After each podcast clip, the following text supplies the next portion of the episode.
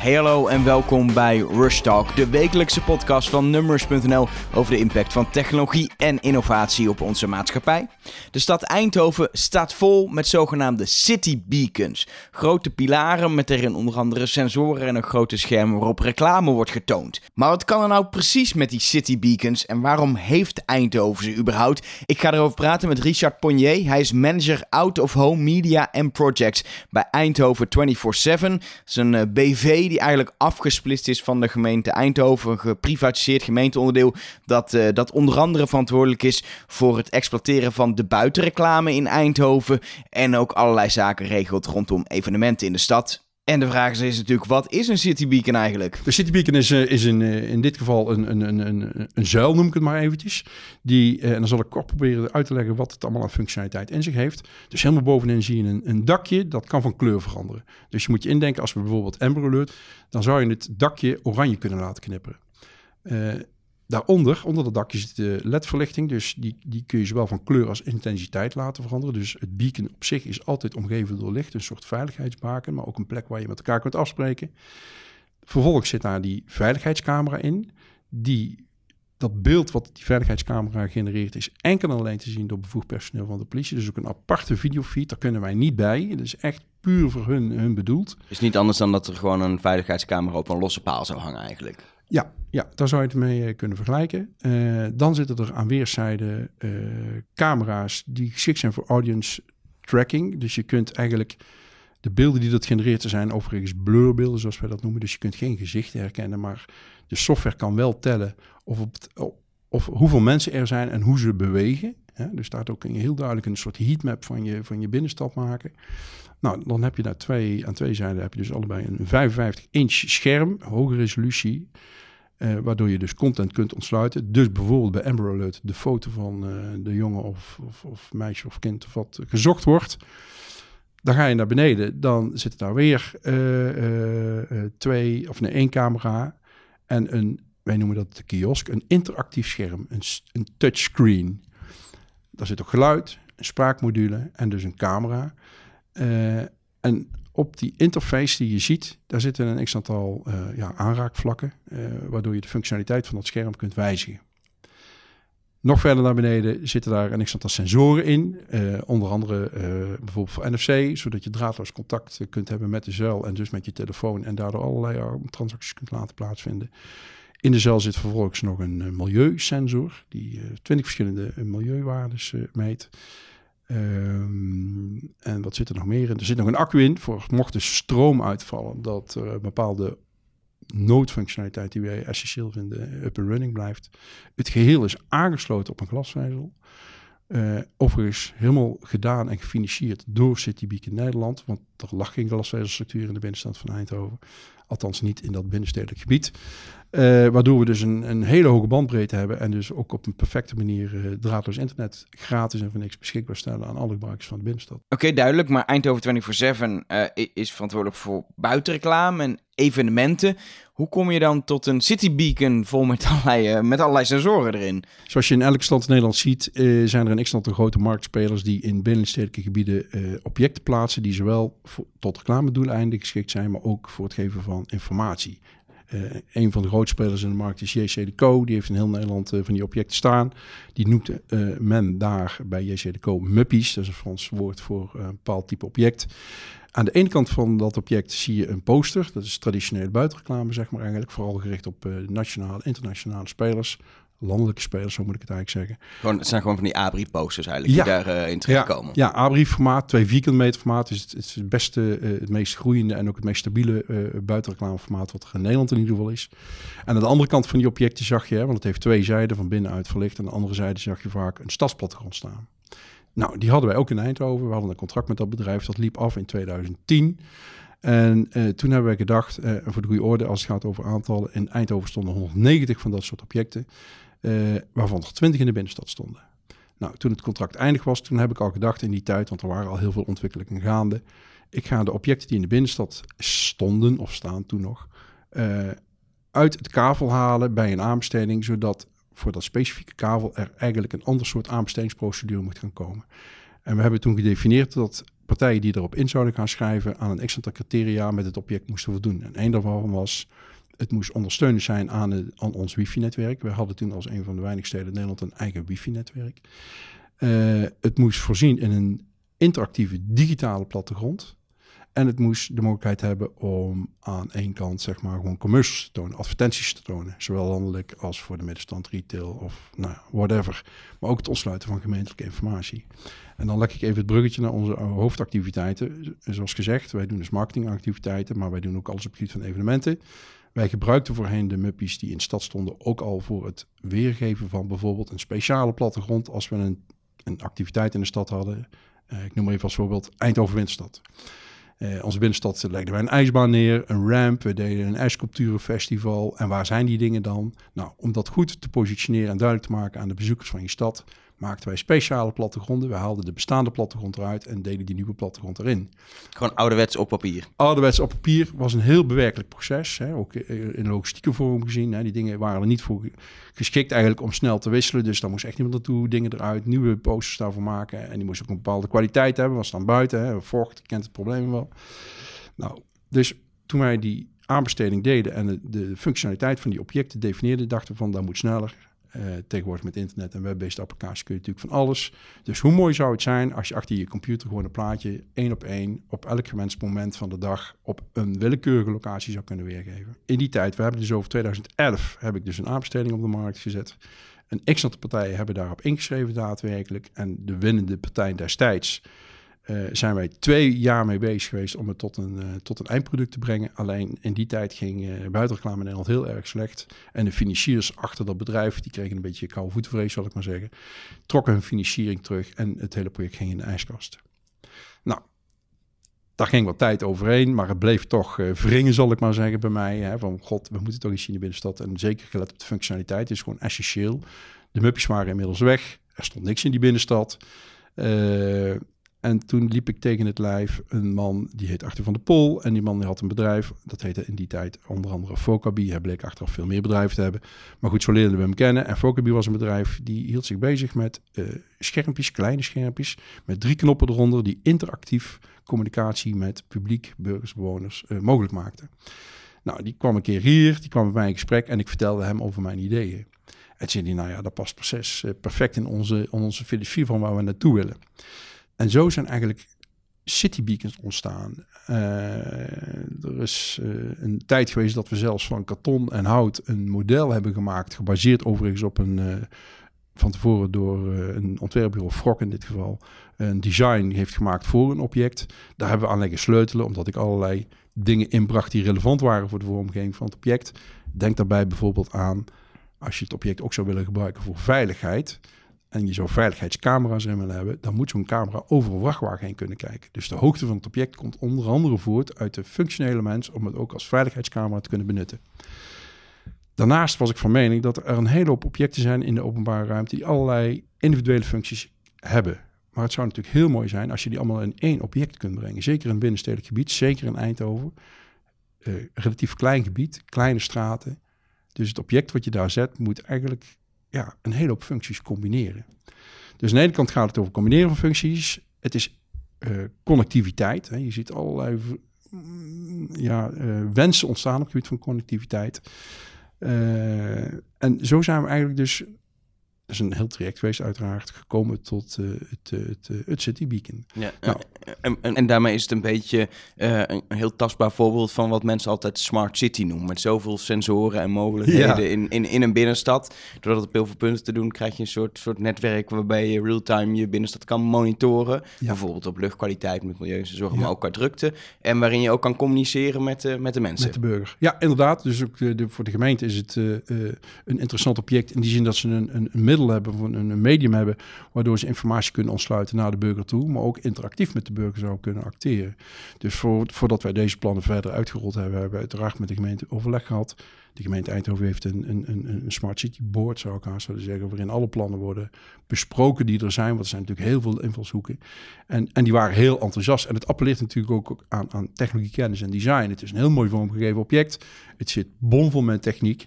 En uh, Eindhoven wil graag ook dat de burger buiten op straat kan zien waar wij als stad uh, voor willen staan. Ja, nou, nou, nou, het leuke aan dit soort dingen is dat je kan heel leuk op hier bedenken... hey, we zetten die dingen neer en uh, we doen er allerlei sensoren in... En, en, en, veiligheidscamera's en reclame en interactiemogelijkheden. Maar uiteindelijk gaat het, zeker bij Smart City...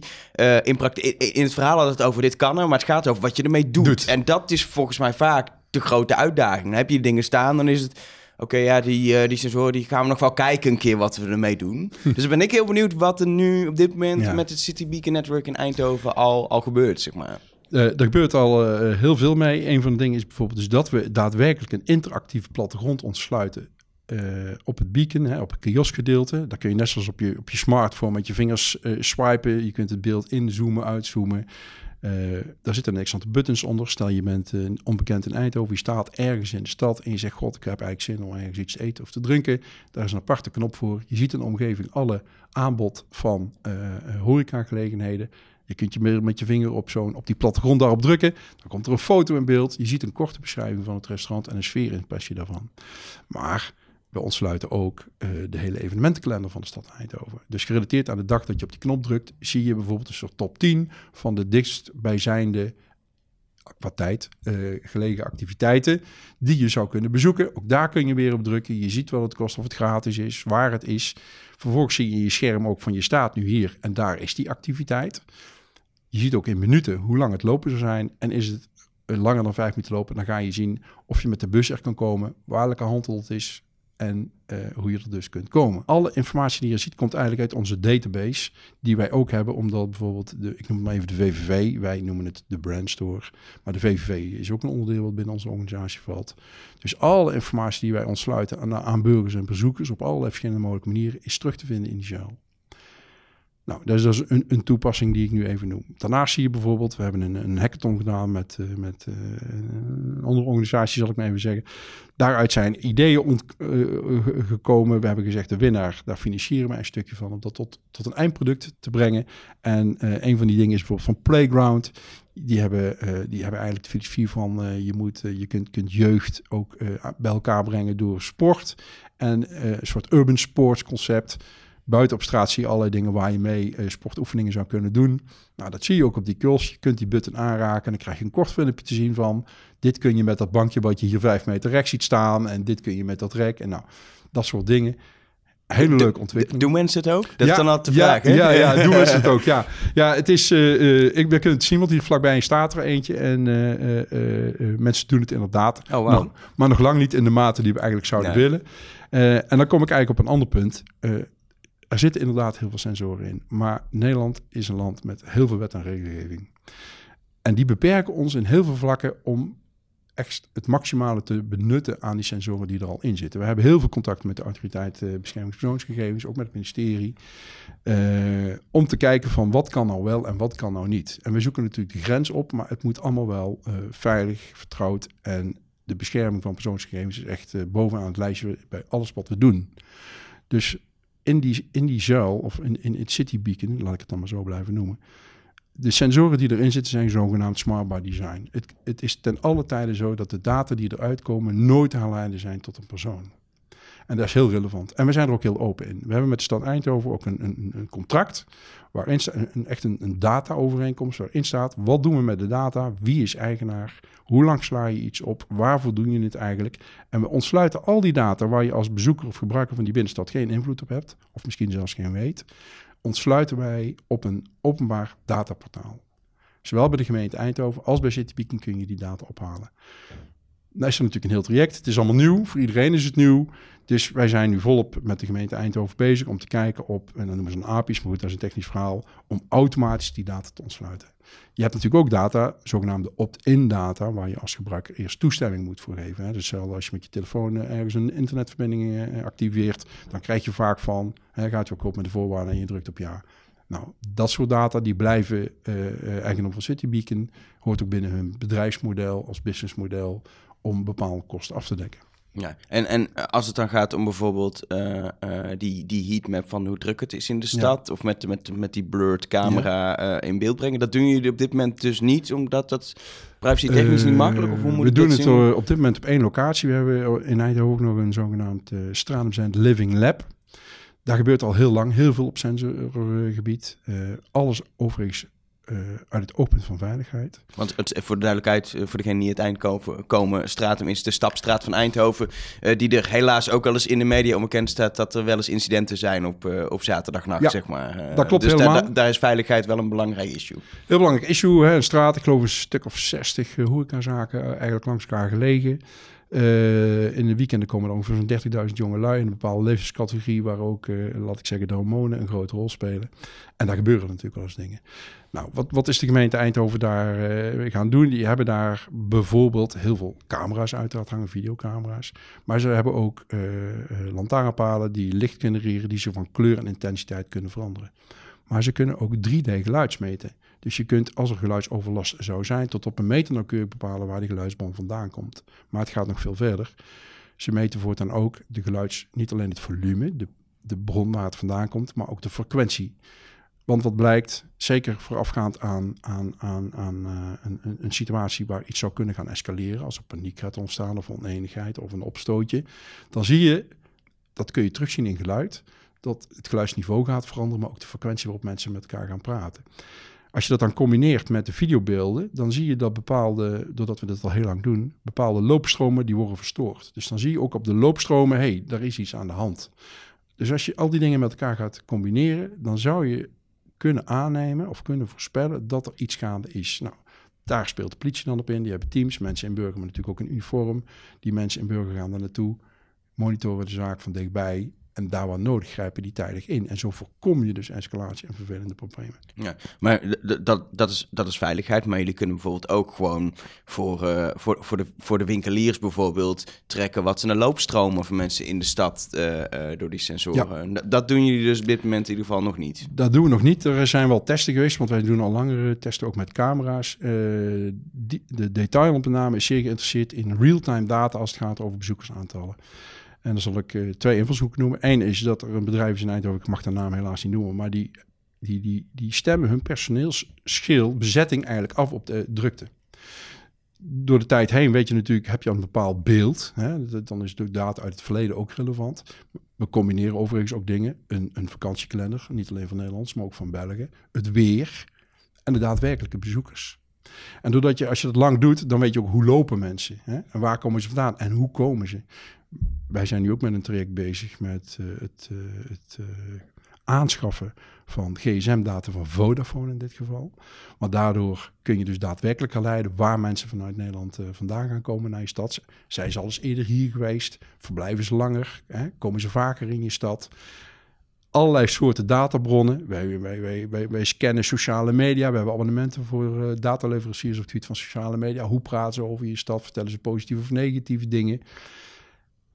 Al die dingen samen, want het zijn natuurlijk allemaal individuele databronnen, die hebben we samengebracht en dat hebben we laten ontwikkelen.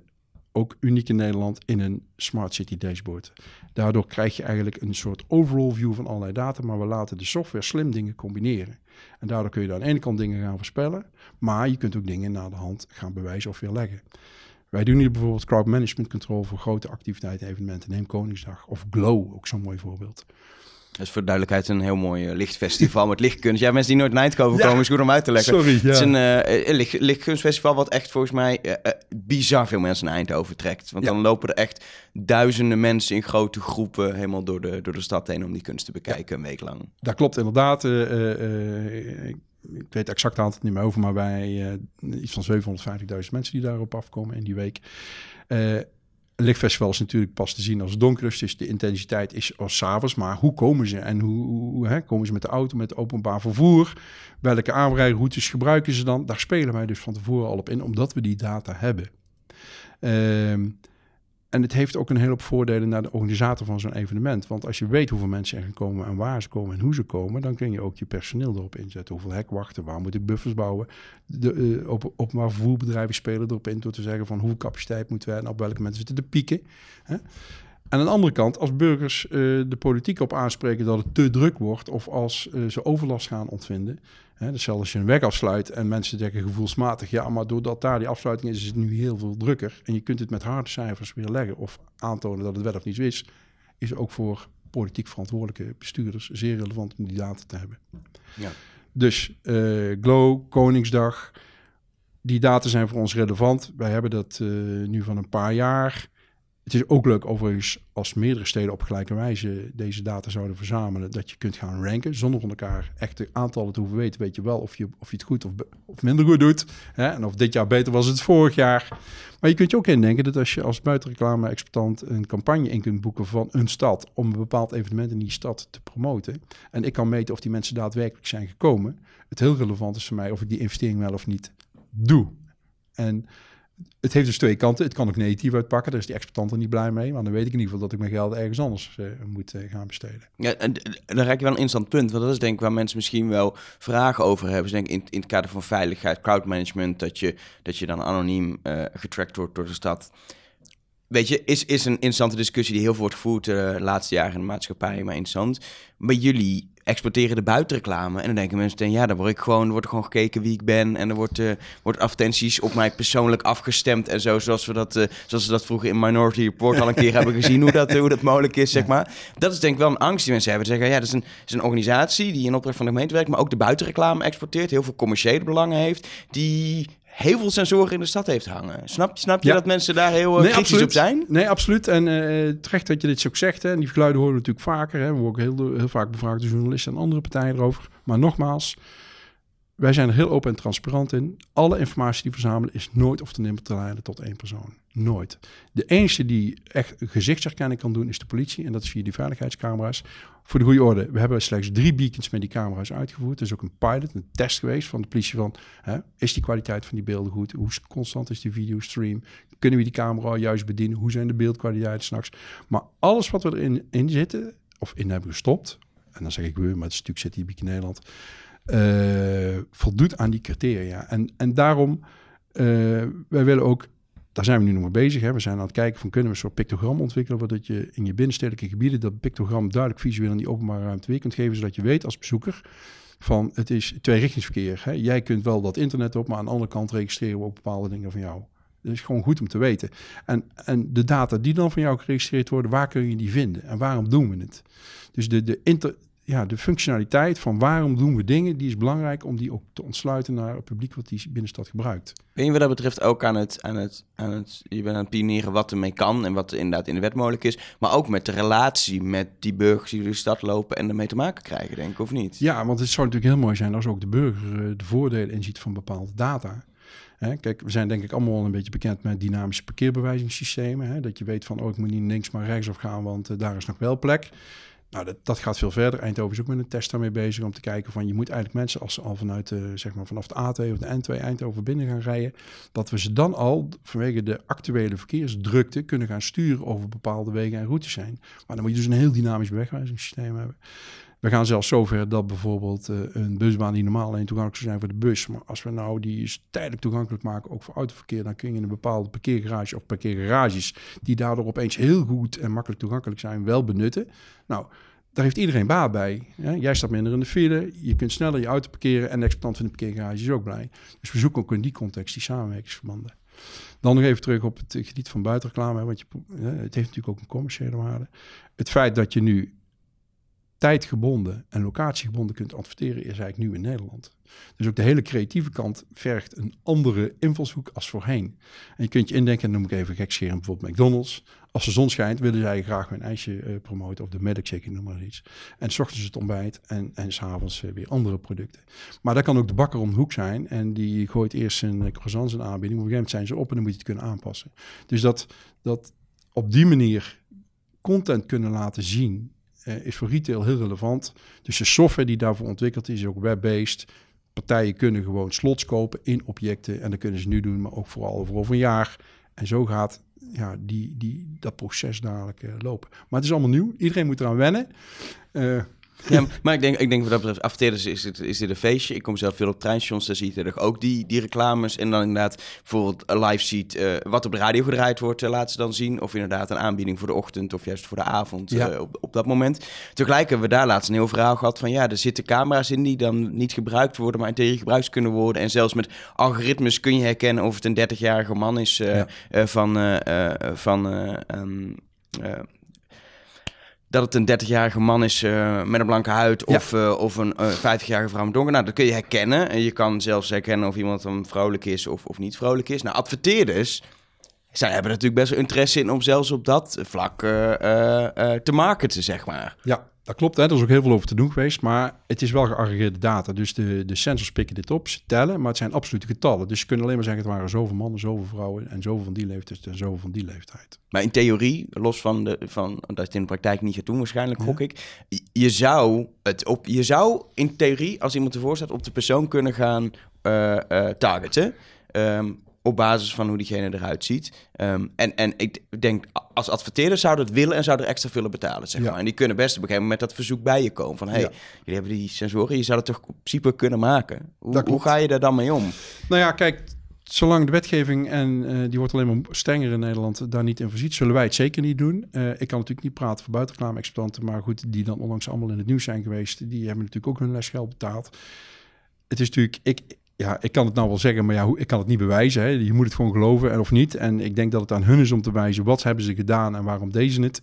Uh, ik weet wel dat er nu testen lopen in Nederland. Dat noemen ze dan programmatic buying. En dan moet je maar denken, als je nou met je auto komt rijden bij een benzinestation, dan je ziet daar een camera, die ziet dat toch al jaren, maar nu gaan ze veel verder. Ze scannen het kenteken, het merktype auto en ze kijken ook in je auto. Vervolgens sta je te tanken. Voortaan zie je bij tankstations een schermpje, ook al daar waar die slangen zeg maar in en uit gaan. Daar zie je een klein schermpje staan. Je ziet ook een groter scherm bij de ingang van het uh, betreffende uh, brandstofverkooppunt. En je ziet schermen in de winkel. Wat gebeurt er nu? Ik stel, kom daar bijvoorbeeld aan. Stel, ik zou een BMW heb ik helemaal niet hoor. Maar stel je voor, ik kom daar aan met mijn BMW. Ik zit in de auto en ik zou bijvoorbeeld twee kinderen in de auto hebben zitten.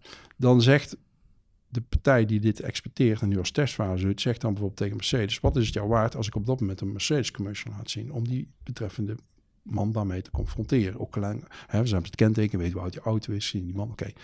Uh, die zijn daartoe bereid. Uh, Mars die zegt, hey, als kinderen in die auto zitten, dan ben ik ook bereid om iets te betalen voor een Mars commercial. Dus die commercial wordt heel interactief getarget op het moment en de situatie die zich aantreft. Dat is een nieuwe ontwikkeling in Nederland. Men verwacht er heel veel van. Ik, ik verwacht er ook heel veel van, want het is natuurlijk heel gericht en heel eh, direct. Maar waarom kunnen zij dat daar wel? Want die benzinestations zijn vaak particulier terrein. Dat is een ander speelveld, een andere wet en regelgeving dan wij moeten acteren in het publieke domein.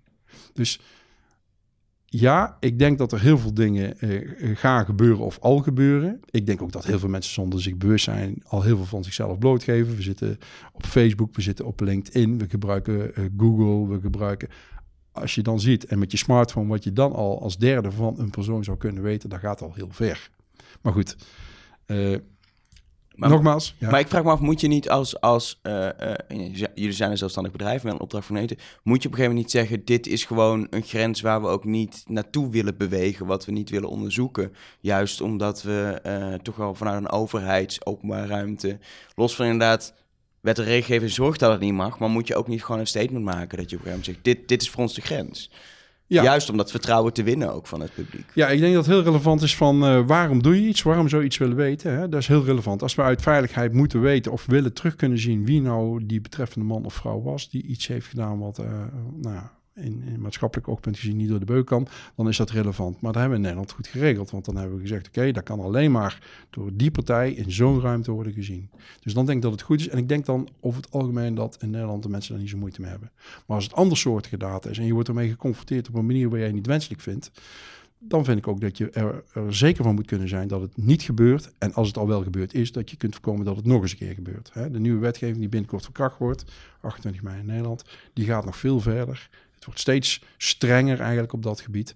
En wij, hè, nogmaals, vanuit onze organisatie, wij kijken alleen maar wat, wat, wat dient het belang, algemeen belang zal ik haast willen zeggen. Hè. Dus het commercieel belang is soms echt verder ongeschikt. Natuurlijk, de business case moet kloppen dat die objecten qua functionaliteit exporteerbaar zijn. Maar er zit zeker een grens aan. Wij zullen niet meewerken aan processen die zouden kunnen leiden tot het analyseren van data tot het persoonsniveau. Dat zullen nee, precies. Doen. Dat willen we ook niet, maar we, we, voor ons heeft het ook geen belang. Hè? Dus uh, en nogmaals, ik kan niet voor andere partijen praten, maar in ieder geval Citybeak in Nederland heeft natuurlijk een contract met ons. Wij zijn officieel de vergunninghouder, wij zijn de concessiehouder. Dus wij houden ze daar uh, strak aan het lijntje. Ja, nou, eh, we kunnen nog uren doorpraten over ja. adverteren, maar we gaan ook gewoon even hebben over die Citybeacons. Waar, waar ik nog heel benieuwd naar ben, uh, je hebt er nu een aantal in de stad staan, zeker op, op, op het Straatums Eind hier. Daar wordt dus echt al veel gebruik gemaakt van de sensoren en de mogelijkheden op iets van bijvoorbeeld veiligheid. Ja. Maar, en je, en je noemt al het voorbeeld van het, van straks het misschien in de toekomst met, met real-time data rerouten van het verkeer richting parkeergarages. Om, om parkeer- en verkeerdrukte uh, minder te maken in de stad. Hoe, hoe, hoe, zie jij de ontwikkelingen voor de komende jaren voor je? Wat gaat er met die, met die binnenstad van, nou laten we gewoon Eindhoven gewoon lekker concreet houden. Wat gaat er in Eindhoven gebeuren? Wat zou je, wat zou je willen doen? Waar, waar denk je over na? Oké. Um, een van de dingen is gamification. Dus we gaan de zuilen beschikbaar stellen als een soort uh, uh, scherm, waardoor je met je, met je telefoon als console uh, een spel kunt gaan spelen op die beacons. Nou, lijkt me hartstikke leuk. Hè? Dat doen we dan vrijdagmiddag. Noemen ze dus tussen 4 en 6. En je speelt er met je vrienden een smaalt spel. Een ranking, Hall of Fame. je kunt je daar iets bij indenken. Maar wat we ook willen gaan doen is met augmented reality zorgen dat mensen een bepaalde route door je stad gaan volgen. Uh, je kunt je indenken dat wij bijvoorbeeld iets willen vertellen over de historie van Eindhoven, historische gebouwen. Maar je ook kunt denken aan een designroute of een cultuurroute of een, een horecaroute, ik noem maar eens iets. Wij zijn er nu mee bezig. We hebben opdracht gegeven aan, uh, aan, een bedrijf wat op dit moment dat ontwikkelt. Die hebben dat overigens ook gedaan voor de Efteling, dus ze zijn niet helemaal vreemd op dat gebied. Je moet ook bij denken dat we uh, proberen uh, ouders met kinderen die hier in, aan het winkelen zijn in de stad, om die kinderen op een leuke manier bezig te houden. Want vaak zijn dat natuurlijk van mama of papa, hè, gaan we nog niet naar huis en ik vind het niet meer leuk. En, dus, dus wij proberen op allerlei mogelijke manieren te kijken of we mede dankzij de beacons en de infrastructuur die erbij hoort, dit soort dingen kunnen laten ontstaan. Uh, we hebben ook samenwerkingsverbanden, TU Eindhoven bijvoorbeeld, met bepaalde leergangen. Daar zitten studenten die denken weer op een hele andere manier over uh, wat zou nou leuk zijn op zo'n beacon. Waarbij overigens opvalt dat het sociale, maatschappelijk-sociale aspect ze heel hoog in het vaandel hebben zitten. Bijvoorbeeld, ik ga thuis koken. Wie heeft er zin? Ik ben dit bezig aan het koken. Wie, wie wil uh, bij mij aan tafel komen? Hè? Om eens iets te noemen. Maar ook een soort, noem het maar, ja, hoe heette dat vroeger? de, voorover de vlag. Dat je beacons kunt veroveren in een spelvorm. Dus we zijn op allerlei mogelijke manieren daarmee bezig. Maar de gemeente zegt ook van, kunnen we niet interactief enquêtes afnemen op straat? Hè? We zijn bezig met verheringsplannen voor de binnenstad van Eindhoven. Je zou er natuurlijk visueel iets van kunnen ontsluiten en gewoon aan de burger kunnen vragen, wat vind je ervan? Hè? Heel simpel, hè? Je, zou, je kunt er van alles bij indenken, denk ik. Um, het is ook een beetje zoekende nog, hè? van wat, wat is nou... Uh, gewenst door de burger. Hè? Uh, wij kunnen monitoren bijvoorbeeld als het gaat over als men iets op wil zoeken, waar zoekt men dan op? Hè? Uh, misschien om te weten, maar ze zoeken heel veel op koffieshop. Hè? ja, ja. Hè? Uh, en als ze in de buurt staat, in de buurt van de NS-station staan twee van die zuiden daar vlakbij, is bijvoorbeeld Primark gewoon gelegen. Toch zijn er een heleboel mensen die, ondanks dat ze rondom zich heen zouden kunnen kijken, toch op die zuil gaan staan. Waar, waar is de Primark? En die is dan 100 meter verder. Die, er zijn waarschijnlijk mensen die speciaal voor de Primark uh, waarschijnlijk uit, uit de omgeving ja. Eindhoven zijn gekomen. Ja, ja. Ja, ja, ja. Maar nogmaals, het is een open platform. Dus de filosofie van ons en ook dus van Citybeacon in dit geval is eigenlijk is het een open platform. Zie het maar als een soort uh, store waar je eigenlijk kunt uploaden een bepaalde functionaliteit, een programma, een applicatie. Die natuurlijk wel aan de voorkant aan een x aantal uh, zaken moet voldoen. Er is overigens een development kit voor. En hij moet natuurlijk een bepaalde functionaliteit aan voldoen. En dan ontsluiten we die gewoon op, op het beacon, om het zo maar eens te zeggen. Dus ik verwacht dat in de komende tijd zal het aantal applicaties enorm gaan groeien. Althans, dat hopen wij, maar ik, ik, ik verwacht ook echt dat dat gaat gebeuren.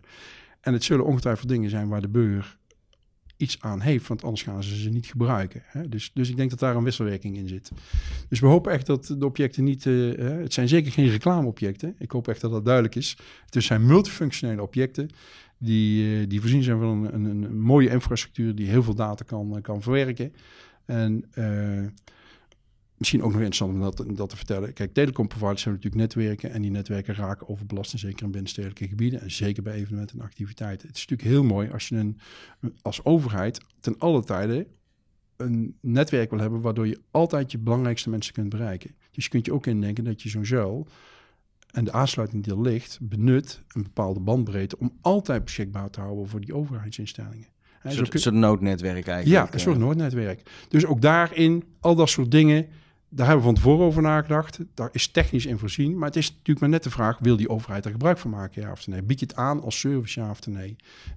Je ziet in heel Nederland uh, parkeerpaaltjes staan. Er zijn van één bedrijf, er draait één applicatie op. Met alle respect, is vaak een klein schermpje. Moet je daar creditkaartje uiteindelijk instellen. Je ziet ook vaak rijen staan achter uh, uh, die zuilen. Uiteraard er zijn al andere mooie mobiele applicaties... waar je je auto niet meer uit hoeft zelfs. Maar er, is nog steeds een hele er zijn nog steeds een hele mensen die daar gebruik van maken Diezelfde applicatie kun je gewoon op zo'n beacon draaien. Dan heb je een veel groter scherm. Het is verlicht, er zit de camera bij. Het staat dan op een parkeerplaats, dus je kunt je indenken. Dan kun je ook zien als er een auto wordt ingebroken. Hè. Vanuit de politie is het interessant. Je kunt iets communiceren. Dat is interessant voor uh, retail, detailhandel, bioscopen. Je kunt makkelijker betalen, je kunt draadloos betalen. Maar goed, dat zijn allemaal van die trajecten. Gemeenten sluiten vaak uh, contracten voor meerdere jaren. Die palen, die staan nog. Nou, dat is een gegeven. Nou komt er iets nieuws, een beacon. Ja, leuk. Maar die functionaliteit gaan we er nog even niet opzetten, want we hebben al een paal. Duidelijk. Uh, Richard Ponnier, dankjewel. Graag gedaan. En daarmee komt er een einde aan deze editie van Rush Talk. Heb je nog wat te melden of te vragen aan mij, dan kan dat via @nummers of uh, @elger op Twitter. En je kan natuurlijk ook al terecht op uh, facebook.com/nummers of onze site nummers.nl. En wil je mij en mijn collega's nou een heel groot plezier doen? Laat dan even een, een review achter op, op iTunes of in de podcast-app van Apple. Die reviews helpen ons heel erg om te zorgen dat nieuwe mensen deze podcast kunnen ontdekken. En dan spreek ik je graag volgende week weer.